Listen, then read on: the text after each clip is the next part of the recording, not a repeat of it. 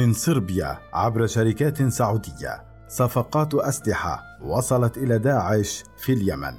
للكاتبين سجا مرتضى ومحمد كوماني. بعد سيطرة جماعة أنصار الله الحثينيين على قاعدة العند الجوية وزحفهم نحو عدن في الخامس والعشرين من آذار مارس 2015 وانتقال الرئيس اليمني عبد ربه منصور هادي من عدن إلى الرياض. أعلن التحالف العربي بقيادة السعودية عملية عاصفة الحزم لدعم الشرعية في اليمن.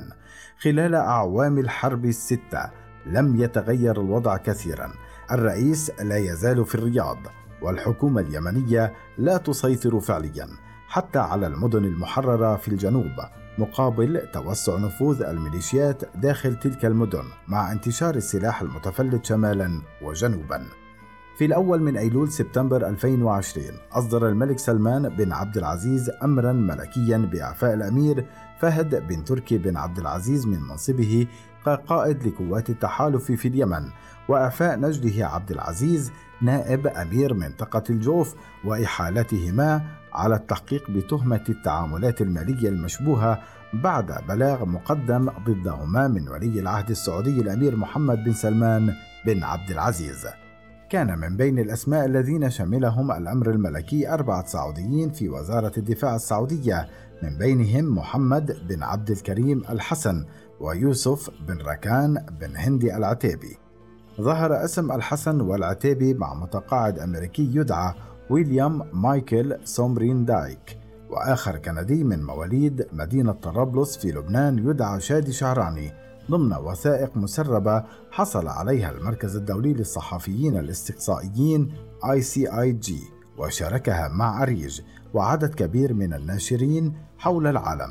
ضمن مشروع أطلق عليه اسم أوراق باندورا هذه التسريبات التي يحقق فيها أكبر تعاون صحفي عابر للحدود في التاريخ تضم ملايين الوثائق من مكاتب محاماة حول الملذات الضريبية.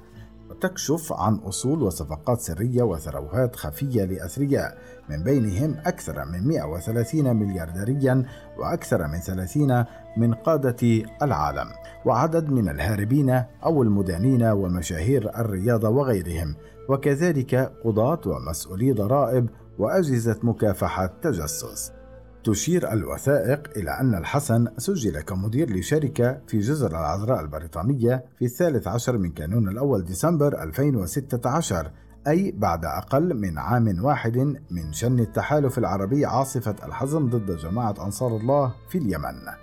كان من أنشطة الشركة شراء أسلحة من شركة جي آي أم الصربية المملوكة لوالد وزير الدفاع الصربي نيبويسا ستيفانوفيتش لكن مجموعة من تلك الأسلحة وصلت إلى يد تنظيم داعش الإرهابي في اليمن. تشير الوثائق إلى أن الحسن عندما سجل كمدير لشركة لارك مونت سجل عنوانا له اتضح عند التأكد منه أنه عنوان شركة عسكرية سعودية تدعى ريناد الجزيرة ومقرها الرياض وأوقف موقع الشركة خلال فترة العمل على التحقيق. لاركمونت وزيارة صربيا جاء في إحدى وثائق من شركة لارك مونت الصادرة في الأول من آذار مارس 2017 أن الحسن مصرح له بتمثيل الشركة بجميع الطرق مع وزارة الدفاع في المملكة العربية السعودية. أعطى ويليام مايكل سومريندايك للحسن صلاحيات تمثيل الشركة أمام وزارة الدفاع السعودية وبين لعبة الصلاحيات كانت وفود من ضباط سعوديين ومتقاعدين أمريكيين ورومانيين وبلغاريين تتجهز لزيارة صربيا لمعاينة أسلحة في مصنع كروسيك الصربي. لم يكن الحسن السعودي الوحيد الذي شمله قرار الملك السعودي بالتحقيق في شبهات فساد والذي وجدنا أنه أسس شركة أوفشور وارتبطت بعقود تسليح في حرب اليمن. اسم آخر. هو يوسف بن ركان بن هندي العتيبي يدير شركة ميلفاردز التي تشارك شركة لاركمونت في إدارتها وتأسست في الثالث والعشرين حزيران من يونيو 2017 أي بعد ستة أشهر من تأسيس لاركمونت. ولا تظهر بيانات تسجيل الشركة هوية مالكها. شراء الأسلحة كانت عبر شركات وسيطة متعاقدين أمريكيين. من الجانب السعودي كانت شركة لاركمونت وشركة ريناد الجزيرة ومن الطرف الصربي كانت شركة جي آي أم. زار الحسن وشعراني مصنع كروسيك الصربي في الثامن من أيار مايو 2017 لمعاينة الأسلحة. وفي العاشر من كانون الأول ديسمبر 2018 زارت مجموعة من المتعاقدين الأمريكيين مصنع كروسيك مع أربعة ضباط سعوديين. الضابط السعودي محمد الحسن بحسب الوثائق مثل شركة ريناد الجزيرة وكان مخولا بالتعامل مع وزارة الدفاع السعودية في كل التعاملات المالية والإدارية لشركة لاركمونت وفيما بعد استغل الحسن هذه الصلاحيات المخولة له من طرف الشركة للتوسط في صفقات الأسلحة من صربيا إلى السعودية. صربيا والسعودية وتنظيم داعش في اليمن. حسب ما يقول ما يطلق عليه لقب أمير منطقة البيضاء في ولاية اليمن داعش قامت الشرعية. يقصد نظام الرئيس هادي باستخدام عباءة القاعدة فجعلت بعض أنصار القاعدة يتولون الأمر فكانت تدعمهم بالذخيرة والسلاح وترتب أمورهم وتهيئ لأن تجعل من بعضهم قادة للكتائب وبعضهم يظهر رتبته العسكرية وبعضهم لا يظهرها. وبفضل الله انكشف هذا المشروع ولم يفلح. وتظهر صورا مأخوذة من ملفات فيديو نشرها داعش في محافظة البيضاء صورا لأسلحة صربية كانت من ضمن الصفقات التي اشترتها وزارة الدفاع السعودية من مصنع كروسيك الصربي وغير معروف كيف وصلت تلك الأسلحة إلى التنظيم.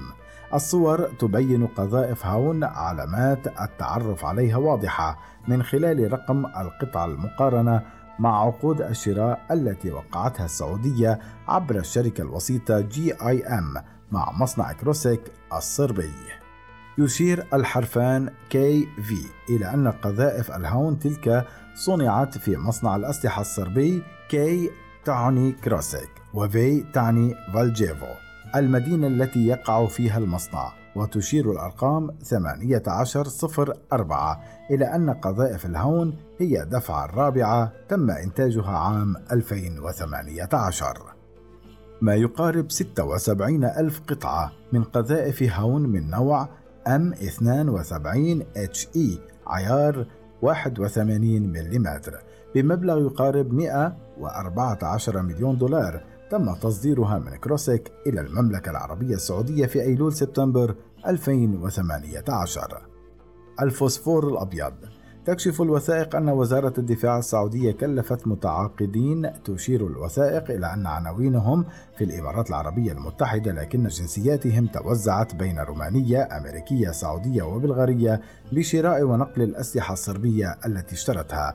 كان من ضمن الصفقة تسليم ما يزيد عن 7000 قطعة عيار 82 ملم من قذائف الهاون أم 74 الفوسفور الأبيض من مصنع كروسيك الصربي للسعودية بقيمة تتجاوز 217 مليون دولار. بحسب تقرير نشرته صحيفة واشنطن بوست ووسائل إعلام أخرى استخدمت السعودية الفوسفور الأبيض في عملياتها في اليمن سواء ضد أهداف على الحدود قرب مدينة جيزان أو في العاصمة صنعاء. تلك التقارير أشارت إلى أن الولايات المتحدة هي من زودت السعودية بالفوسفور الأبيض وعليه ربما استعانت السعودية بصربيا لتزويدها بالفوسفور. تحسبا لانتقادات إعلامية تهدف إلى وقف توريد الولايات المتحدة لأسلحة محرمة دوليا إلى السعودية. ويحظر البروتوكول الثالث الملحق باتفاقية حظر أو تقييد استعمال أسلحة تقليدية معينة. وهو بروتوكول بشأن حظر أو تقييد استخدام الأسلحة المحرقة معتمدا في العاشر من تشرين الأول أكتوبر 1980 جعل المدنيين هدفا للهجوم بالأسلحة المحرقة ويعتبر الفوسفور الأبيض من الأسلحة المحرقة. تنسيق عابر للحدود لوصول الأسلحة.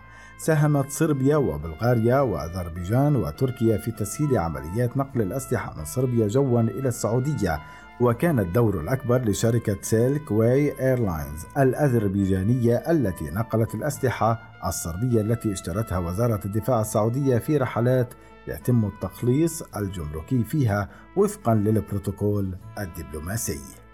عبر البريد الإلكتروني وجهت أريج إلى وزارة الدفاع السعودية سؤالا عما إذا كانت تهمة الفساد التي يتم التحقيق فيها مع الأمير فهد بن تركي ونجده والسعوديين الأربعة بمن فيهم الحسن هي بسبب شركة الأوفشور التي استخدمت في شراء الأسلحة خلال حرب اليمن ولكن لم تتلقى أي إجابة. وإلى الآن ما زالت مجموعة من الأسلحة التي ساهم في شرائها الحسن عبر الشركات التي يديرها بالإضافة إلى ضباط سعوديين آخرين تستخدم من قبل تنظيم داعش في اليمن.